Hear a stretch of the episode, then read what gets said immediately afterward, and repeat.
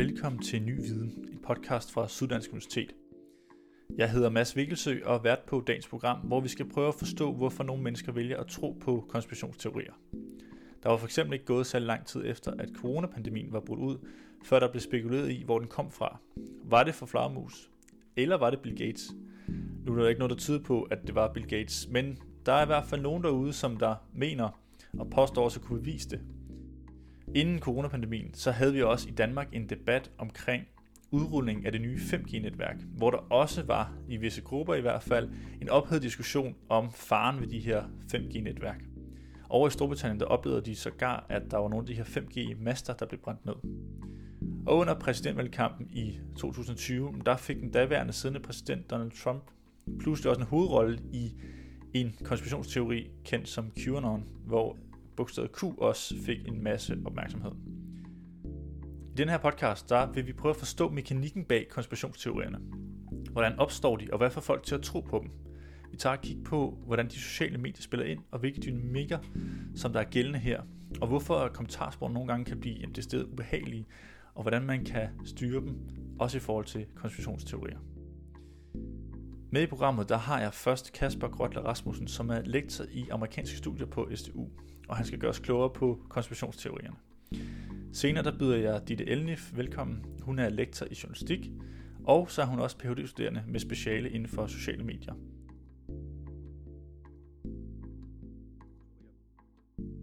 Og konspirationsteorier, bare lige for at sige, er jo en af de ting, der har ekstremt mange forskellige definitioner. Man kan faktisk ikke stort set ikke skrive noget om konspirationsteorier, uden man også selv lige skal huske at definere det øh, mm. først. Så derfor får vi altid vildt mange altså sådan, definitioner på det, men, øh, men min sådan relativt simple øh, på den, det er sådan set, at konspirationsteorier er en forklaringsmodel øh, på noget, man ikke kan forstå. Det er forklaringsmodeller jo typisk ofte.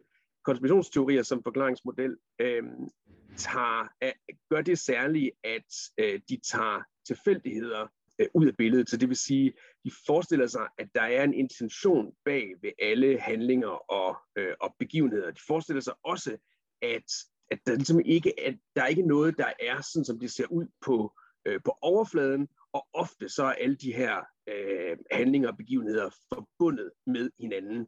Og det vil jo sige, at det er en glimrende måde at hvad skal vi sige, studere konspirationsteorierne sådan interne forbindelser igennem øh, historien. Mm. Man forestiller sig, at at for eksempel alle de her hemmelige selskaber og sådan noget er forbundet med hinanden, og de alle sammen har en, en, øh, øh, sådan et link øh, til hinanden, og at, at alle de her begivenheder sådan er, er måske er startet at ske, at der er en, man kan simpelthen trække en lige linje fra Kennedy-mordet til 11. september, til QAnon, øh, til øh, den her nye verdensorden konspirationsteori, som hedder The Great Reset.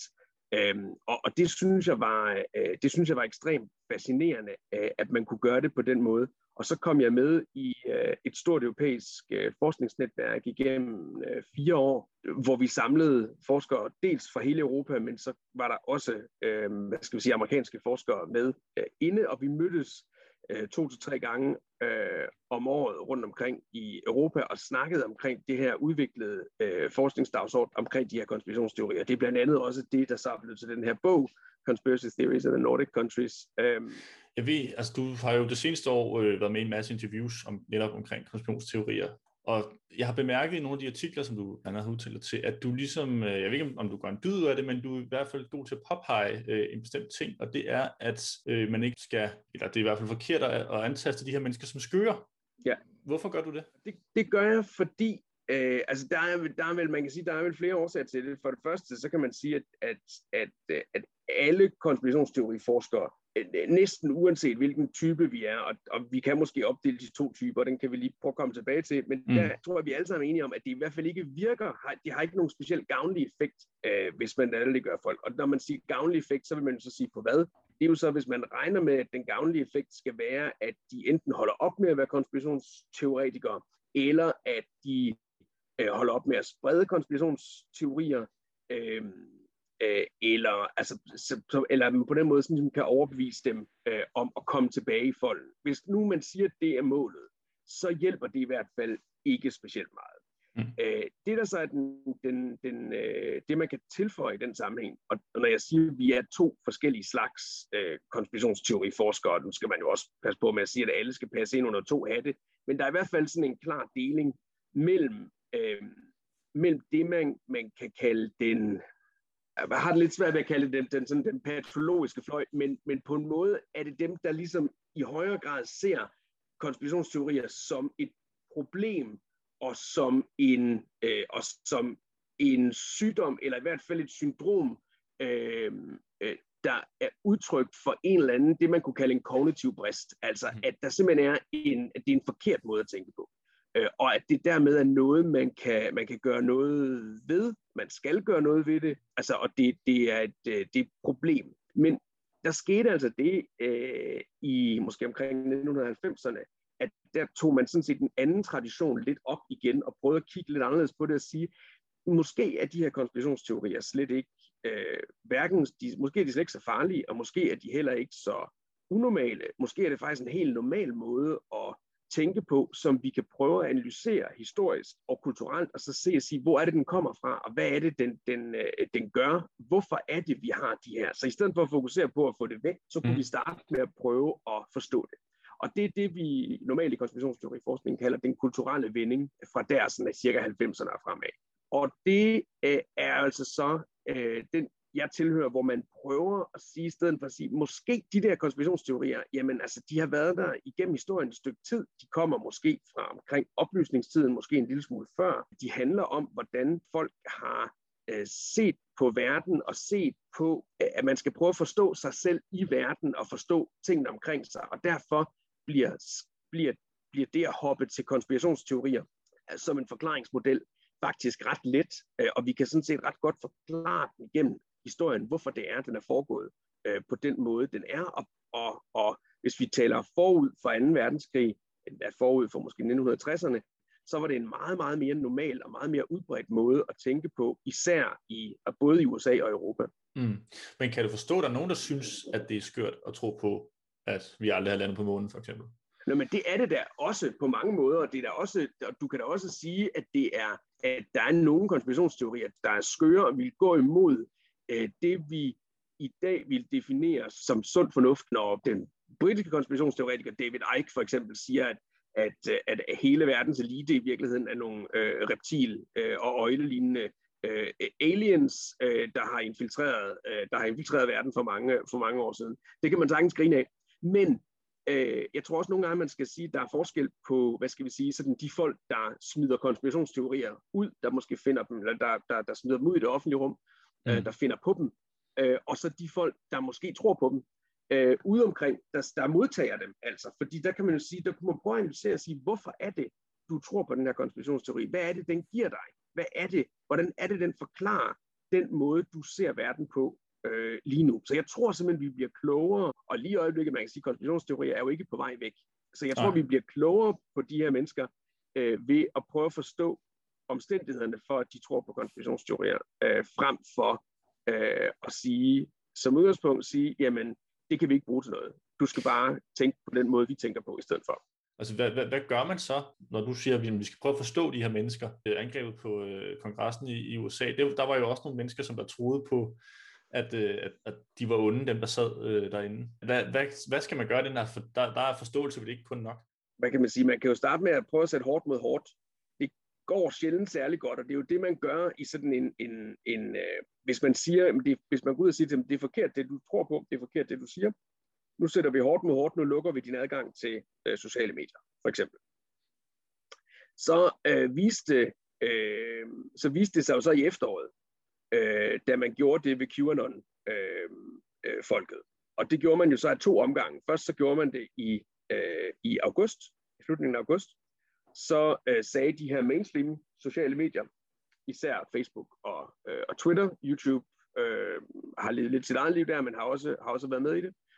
Øh, så sagde de, vi vil lukke alt, vi lukker alt, vi lukker ned for alle grupper, der er voldelige. Mm.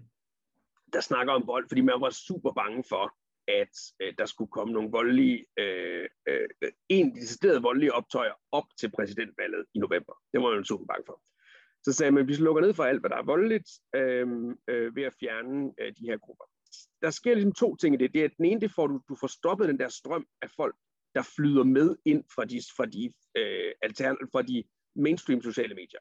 Der var rigtig mange mennesker, der flød med ind på, på, øh, øh, øh på, øh, øh, på noget QAnon-indhold igennem algoritmer og andre ting, og sagde, at det kunne da også være lidt spændende, jeg tager lige en gruppe der. Det fik man stoppet, fordi her der skulle du ligesom selv op, ud og opsøge det. Men, men en af de ting, det jo forudsætter i et demokrati, det er jo trods alt, at vi er relativt enige om, øh, når vi, hvis vi skal være fælles om magten, så skal vi jo kigge ud af vinduet og blive enige om, hvorvidt solen skinner, eller hvorvidt det regner. Ikke? Ja. Og der er vi et punkt, hvor at det, det, det er der nogle gange, hvor det rent faktisk, altså i overført betydning selvfølgelig, er ret svært. At man simpelthen ikke kan blive enige om, hvad der er rigtigt og hvad der er forkert på nogle helt, altså man har nogle fuldstændig, et fuldstændig forskellige, for, øh, forskellige, hvad skal vi sige, måder at konstruere, hvad der er rigtigt og forkert på. Og det kan man sige, det synes jeg er, at man, man godt kan gå ind og sige, det er et problem, at vi ikke er enige om det. Og det er et problem, man kun kan løse igennem, øh, eller det kan man dels løse igennem øh, uddannelsessystemet, øh, hvor man kan arbejde rigtig meget med øh, at tale om kritisk tænkning, tale om, hvordan øh, vurderer vi øh, øh, øh fakta versus øh, øh, fiktion, øh, hvordan prøver vi at gøre det her. Man kan også løse det, kan man sige, igennem at, at øh, medierne, for eksempel, det er, jo, det er jo lidt trist, man kan, ikke, man kan ikke sige, at de kan finde en anden finansieringsmodel, men det er et problem, at medier, store mainstream-medier, på for eksempel på sociale medier, at de, de jagter clickbait, og de bliver for øh, sensationspræget, øh, fordi det betyder lige pludselig, at man er sådan lidt, jamen, hvad var det så egentlig, øh, I sagde til os? Hvorfor skal vi tro på, øh, på den vinkel, I kommer med her? Der synes jeg, der har været en tendens til, at man har øh, at man har fulgt øh, for meget på den, på den linje, simpelthen fordi man skulle tilpasse sig en ny, en ny virkelighed. Og den sidste ting, synes jeg, er, at man, og det er jo det, der er, øh, der, der er et eller andet sted af humlen i meget af det, ikke? det er jo, at man fra politisk side har været for dårlig til, tror jeg, i de fleste demokratier, at udvise åbenhed, og måske endda også nogle gange en ydmyghed over for magt, den måde, man forvalter øh, mm. magten på. Øh, og det, når vi taler om, hvad det er, der skaber konspirationsteorier igennem historien, så er det, at man, så er det helt klart, det kan vi se igennem de sidste cirka 250 år, så er det fornemmelsen af, at magten bliver taget fra en. At der er nogen, der sidder øh, og forvalter magten på en forkert måde. Og det er ikke noget, der er lavet om, i, hverken i dag, eller i morgen, eller i overmorgen. Men det hjælper jo ikke at man er lukket omkring sin beslutningsproces. Det hjælper ikke, at det ser ud som om, at man ikke vil øh, lytte til mindretal og andre ting. Det hjælper mm. bare ikke noget, og det er med til at skabe konspirationsteorier. Vi sætter lige Kasper Grøtler Rasmussen på kort pause og vender tilbage til ham lidt senere, men nu der zoomer vi ind på de sociale medier, som han også kom kort ind på her. Vi skal nu høre lektor i journalistik Ditte Elnif fortælle mere omkring den demokratiske debat og hvordan det står til med den på de sociale medier. Velkommen øh, til Ny Viden podcasten. Ditte Elnif, du er journalistisk lektor på Syddansk Universitet Center for Journalistik, og så er du også øh, Ph.D.-studerende og er i gang med et projekt omkring nyhedsmedier på Facebook.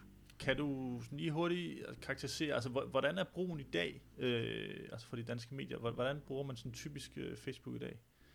Meget, er, det, er det korte svar. Men altså man kan sige, der er jo sådan lidt forskellige tilgange, og, og der, kan være nogle, der kan være nogle overvejelser om, hvor meget ens materiale vil man lægge gratis ud. Der kan være nogle diskussioner om, øh, lægger man overhovedet ting ud, der ikke, øh, der ikke kan klikkes på, hvis man ikke er abonnent. Der kan være nogle overvejelser om, øh, vil man bare gerne, ser man det at poste øh, på Facebook som at give indhold væk, eller ser man det som at lave et link? Og dem, der ser det som at lave et link, de lægger ofte rigtig meget materiale ud, fordi øh, de vil bare gerne have folk ind på deres egen platform, og de tror på, at folk ikke nøjes med den der korte post, eller altså, at, at de faktisk går ind og læser artiklen. Øh, så man kan sige, der er sådan lidt to skoler i, at man mere protektionistisk, og tænker, at øh, det her, jeg er her for abonnenternes skyld, og hvis andre så bliver fristet, så er det jo dejligt. Eller er man her for at få så mange øh, klik som overhovedet muligt? Øh, det tror jeg sådan lidt, lidt, øh, lidt firkantet sagt er, er de to retninger. Og så kan man sige, så er der også nogle overvejelser om, øh, nogle poster så meget, så, øh, så algoritmerne i virkeligheden har lidt svært ved at give dem trafik på det hele. Øh, hvor hvor, hvor øh, hvis man hvis man måske er lidt, lidt mere sådan udvælgende af, det er det her, vi gerne vil ud og vise offentligheden, så kan der nogle gange være nogle for, fordele i forhold til algoritmerne, at, det, at præcis de der posts så faktisk også er dem, som, som, som offentligheden ser. Hvorimod, hvis du poster 20 gange, så er det ikke sikkert, at algoritmerne ved, hvad det er, hvad det er du synes er vigtigt. Der kan være sådan nogle, nogle, nogle forskellige skoler i det. Øh, og samtidig så ændrer algoritmerne sig jo også altså fra år til år, så, øh, så hvad, øh, hvad der foregår inde i Facebooks hoved lige i øjeblikket, det er der sjældent nogen, der helt ved. Nej. hvad, hvad med i forhold til de her algoritmer lige nu? Øh, altså er der en tendens til øh, bestemte historier, bestemte vinkler, der ligesom øh, bliver pushet op øh, eller frem i feedet? Altså man kan sige, Facebook vil jo gerne have, at du interagerer med indhold øh, i al almindelighed. De vil gerne have, at du deler med dine venner, de vil gerne have, at du kommenterer, de vil gerne have, at du skaber trafik på Facebook, fordi det er det, de tjener penge på. Så ting, der får dig til at reagere følelsesmæssigt, fungerer altid bedre. Det vil sige, altså hvis du, hvis, du, hvis du tænker på, hvis du nu køber en vare på nettet, hvad kan så få dig til at skrive om den, enten på din egen Facebook, eller skrive en anmeldelse af det? Øh, det, kan, det er, hvis du er rasende over, hvad det er for et forbandet møgprodukt, nogen har solgt dig, at så øh, skriver du og skiller dem alle sammen ud. Øh, eller hvis du er helt vildt glad for det og synes, det her, det vil jeg gerne dele med mine venner, fordi det er det fedeste produkt, jeg nogensinde har ejet. Øh, og det er selvfølgelig yderlighederne, men det er tit yderlighederne, der får folk til at reagere. Og derfor så er der selvfølgelig lidt en selvforstærkning i, at hvis du laver opslag som medie, som har en følelsesmæssig side, øh, så vil det også engagere folk mere, øh, og, og det bliver selvforstærkende på den måde. Øh, så hvis du, øh, hvis du kan provokere nogen, eller hvis du kan gøre nogen glade, og måske mest provokere eller gøre folk rasende, øh, så sker der jo tit mere i forbindelse med dine opslag. Og, og hvad, øh, hvad er mediernes rolle så i det her? Fordi øh, de er jo så nogle af dem interesseret i, at, at, at, at folk læser deres ting, Øh, men samtidig, hvis man provokerer, øh, så kan det jo også øh, udmønne sig i kommentarspor måske, øh, der ikke altid er, øh, er lige heldigt. Mit ønske kunne være, at medierne i højere grad ser deres kommentarspor som en del af deres medie. Øh, fordi lige nu er der sådan lidt, man kan sige, der er sådan en, en dobbelthed i, at Facebook siger, øh, vi er bare en platform, øh, det indhold i poster, det, øh, det er ligesom noget, der foregår øh, for, over hos jer. Og medierne siger, øh, det der foregår på Facebook, det har ikke noget med os at gøre. Øh, og, og det er jo ikke, fordi der ikke foregår moderation, det gør der jo i høj grad, det er meget værre, når der ikke gør. Øh, men men øh, nogle af de eksperimenter, som nogle af, af, af regionerne, TV2-regionerne har lavet, blandt andet TV2 Østjylland, er at gå ind aktivt og faktisk lægge indhold ind i kommentarsporet. Øh, hvis vi har en historie, som vi ved er kontroversiel, så forbereder vi noget faktuelt data. Vi laver måske nogle artikler, som vi kan gå ind og poste som modsigelser til til, øh, til de ting, vi ved kommer frem. Fordi vi ved jo alle sammen godt, hvis vi poster noget om, øh, om vacciner, øh, så vil der være, øh, eller om corona, så vil der være nogen, der siger, at det eksisterer ikke, eller vacciner er, øh, er farlige eller lignende. Der har jo også, øh, har jeg jo set nogle gange, der er nogen, der har foreslået, at der ligesom skulle være en form for, for identifikation på de her profiler, mm. øh, fordi at mm. der måske er nogle af dem, som der, øh, der skriver de lidt mere upassende kommentarer, der gemmer sig øh, bag måske nogle dæknavne og øh, ikke har nogle billeder, mm. øh, så der skulle være en form for, øh, ja, nogen har det, det stedet foreslået sådan en CPR-nummer øh, ud for, mm. altså for ens profil. Øh, altså, vil det være en vej at gå i forhold til en bedre øh, debat og, og nogle bedre sociale medier? Altså, alle historik siger jo nej da vi kom fra anonyme newsgroup forums og så videre, der havde vi det jo sådan lidt, altså også, også kommentarsporene hos medierne, at når vi kommer over på Facebook, og vi kan se, at det er Mads, der har kommenteret på det her, så skal Mads nok opføre sig ordentligt. Men det har vi jo bare måttet erkende, at det at være verificeret på Facebook, det gør altså ikke særlig meget i forhold til, at, øh, at, at man taler pænt. Man kan selvfølgelig sagtens rydde op i, at, der, at det skal være sværere at være anonym, men forskningen viser faktisk også nogle forskellige ting i forhold til, om det er en fordel eller en ulempe.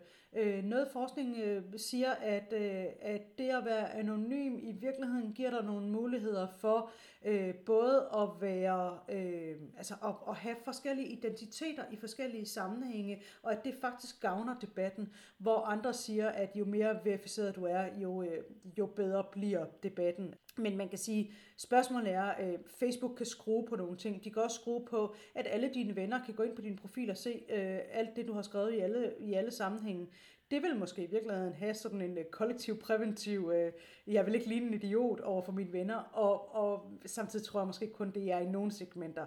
Fordi der er jo også noget interessant i, hvem er der overhovedet, der kommenterer på Facebook? Jeg har, jeg har lidt en teori om, at der er en kæmpe stor gruppe af sådan nogle mennesker som jer, der hører sådan en podcast her, som meget sjældent går ind og diskuterer på Facebook, fordi vi, er, vi, vi gider ikke at mænge os med pøblen, øh, vi, øh, vi gider ikke spille vores tid på det, vi øh, tror ikke på, at vi kan få en god debat. Altså alle, sådan, vi, vi vil heller ikke have vores venner se, at vi diskuterer med de der idioter over på BT. Øh, altså, der er sådan en hel masse identitetsting i det, hvor jeg tror, der er en kæmpe stor gruppe øh, mennesker, som ikke gør det. Og i virkeligheden er der måske primært en gruppe af folk, der er bravende ligeglade med, hvad deres venner tænker, når de øh, kommer til at på en, på en artikel på BT. Og så er der en gruppe af folk, der positionerer sig.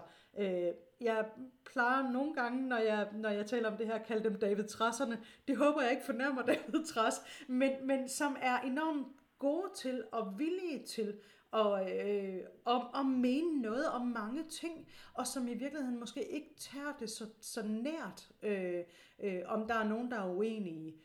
Men har Facebook nogensinde været det, det, det, det demokratiske frirum, hvor, hvor man havde debatten? Fordi det er jo også sjældent, man ser jo på gaden, når folk de står og diskuterer eller debatterer politik sådan for, for øh, offentlighedens syn.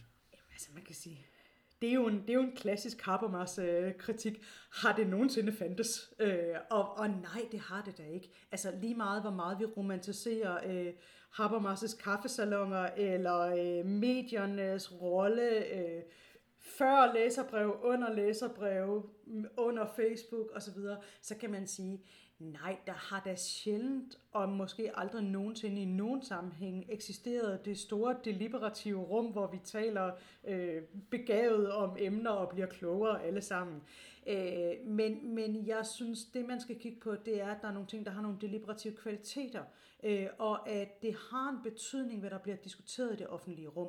Øh, og derfor er det vigtigt, at vi forholder os til de her kommentarspor, fordi vi lærer af dem, vi læser med på dem. Det er en del af vores offentlige diskussion, og, og, og det har tilnærmelsesvis deliberative kvaliteter, som man vil sige på meget forskningsk. Og, ja, og, og øh, fordi, kan du så oversætte det til, hvis man ikke skulle sige det på så meget forsknings øh, deliberative kvaliteter, hvad, hvad vil det være sådan mere sådan rubrødsprog? Ja, altså at, at, man, at man har en, en, øh, en samtale om emner, øh, som er relevante i vores fælles samfund, og som vi bliver klogere af at debattere og diskutere, er, er sådan det, man ser som som den deliberative diskussion. Altså det Habermas og, og andre Dewey og så videre i, i, i, i den tradition tænker, det er jo hele tiden, at i et demokratisk samfund, der er man nødt til at have en debat, hvor man hele tiden udfordrer pointer, hvor man hele tiden bliver klogere, hvor man hele tiden forsøger at gøre sig selv, gøre sine argumenter bedre, så vi har det bedste, den bedste diskussion af alle, og tager de bedste kvalificerede beslutninger. Øh, og man kan sige, det er jo der, hvor øh, når, når folk taler for at bibeholde for eksempel nationen på, på, på Ekstrabladet, som man nu har nedlagt, så er det jo som et outlet for, øh, at hvis der er folk, der går rundt og har de her holdninger, så skal det også være en del af den offentlige samtale, fordi det er faktisk en nuance i samtalen, at der er nogen, der ikke tror, at vacciner på nogen måde virker, eller endnu værre, at øh, Bill Gates har lagt chip ind i dem alle sammen, og at det er dem vi, øh, dem, vi får ind i blodet i forbindelse med vaccinerne. Altså man kan sige, i et demokratisk samfund kan man jo diskutere, om der skal være plads til at der også er de yderliggående holdninger. Jeg tror, vi i øjeblikket er i, i en periode i samfundet, hvor vi hvor vi synes, de fylder for meget, de yderliggående, og hvor når vi har den her diskussion overhovedet om kommentarer på Facebook, så er det jo fordi, vi alle sammen er lidt bekymrede for, om, om craziness overskygger fakta øh, i en eller anden grad. Øh, og hvis du havde spurgt mig for 10, ja, 10-15 år siden, øh, så så vi jo... Øh, ikke, måske ikke Facebook, men, men internettet og digitale medier, sociale medier, som den store demokratisering af den offentlige samtale, og nu kommer vi virkelig ud til folket, og det bliver, øh, alt bliver godt. Den diskussion, den der utopiske, det der utopiske blik på det, har vi ligesom opgivet øh, i nogen grad jeg ved ikke, jeg er ikke helt sikker på, at folk som jeg har, øh, men jeg kan jo godt høre, at, at vi er jo meget mere dystopiske i vores blik på, at alt er dårligt på, øh, på, på sociale medier og på, på digitale platforme øh, generelt. Jeg tror, det vil være en kurve, der kommer til at svinge lidt. Jeg håber på, at vi også finder noget værdi øh, stille og roligt. Det kan være, øh, det kan være, at, at øh, machine learning og robotterne viser sig at være et sindssygt godt middel til at faktisk sørge for, at, øh, at, at der er den gode samtale. Jeg kan godt være bekymret for det, men, men, men man kan sige, der kan ske noget i den digitale udvikling, som gør, at vi kommer tilbage til, til det utopiske blik. Øh, der har været en tendens øh, i de sidste måneder, i hvert fald her i Danmark, med at øh, når man bladrer Facebook-feedet igennem, at der er nogle kommentarer fra særlige øh, sådan, profilerede politikere øh, i kommentarsporene, øh, og det er ofte dem, som der ligesom bliver fremhævet mm-hmm. øh, under, under historien. Hvad, hvad er forklaringen på det? Øh, hvorfor, øh, Jamen, Facebook, hvorfor ser vi lige pludselig dem? Facebook har helt klart taget et valg om, at øh, den øverste kommentar, du kan se i, øh, i kommentartrådet, det skal være fra en verificeret person, hvis en verificeret person har kommenteret. Og det er jo at sige, at folk, der har det der lille øh, blå øh, tik øh, V ved siden af deres navn, det er nogen, som Facebook har bekræftet er dem, de siger, det er, øh, de er. Og det er tit kendte og politikere, og måske i Danmark faktisk særligt politikere, øh, som, øh, som har fået godkendt deres side. Øh, Øh, når Facebook så vælger, at deres kommentar øh, skal være meget synlige, og det gør de for det første ved at give dem det der blå V, øh, så er de synlige, men de har også lavet nogle, helt tydeligt lavet nogle eksperimenter med at lægge de kommentarer op øverst, så det er det første, alle mennesker ser. Så præger det jo igen pludselig øh, debatten enormt meget, at hvad det er for nogle holdninger, de her har. Og noget af det, vi har set, det er, at der har helt klart været nogle øh, politikere, der har med bredhavl øh, haft nogle holdninger til nogle bestemte emner, hver eneste gang et medie postede om det. Øh, og så har de virkelig ikke forholdt sig til den videre debat, så jeg vil da også kigge på, på de politikere og sige, det er fint, du indgår i, i, i, i den her debat i kommentarsporene, men hvis du bare gør det øh, for at pisse territoriet af på noget, du ved om, og positionere dig til noget, du har holdninger til, så synes jeg, at det er lidt spild af alles tid, eller rettere sagt, så synes jeg, at de skulle gå ud og lave nogle, nogle, nogle reklamer i stedet for på andre måder. Men hvis de rent faktisk er interesseret i at debattere det her med folk øh, på, på, på sociale medier, det synes jeg, der vil være alle ære værd. Ingen tvivl om det. Ja.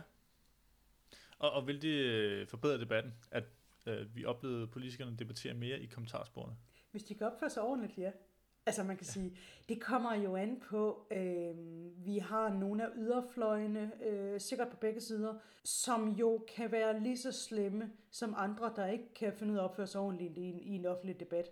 Men hvis, hvis man rent faktisk tager sin demokratisk forpligtelse for nu at komme helt op på den høje hest på sig, og siger, at man vil faktisk gerne tale med folk om de her ting. Man vil gerne gøre dem klogere, man vil gerne selv være klogere, man vil gerne både lytte og, øh, og, øh, og mene noget. Øh, det er jo kernen i vores demokrati, at, at vi kan tale om ting, og det, øh, og, og det kan Facebook jo være en platform for. Det er det der efterhånden sjældent, men, men, men der er ikke noget, der forhindrer det reelt set. Ja. Ditte Elnif, du skal have mange tak, fordi at du øh, tog tid til lige at tage en snak med mig. Tak fordi I spurgte. Kan du ikke lige hurtigt øh, fortælle, hvorfor er Norden interessant at se på, øh, når det kommer til konspirationsteorier? Det vil jeg gerne.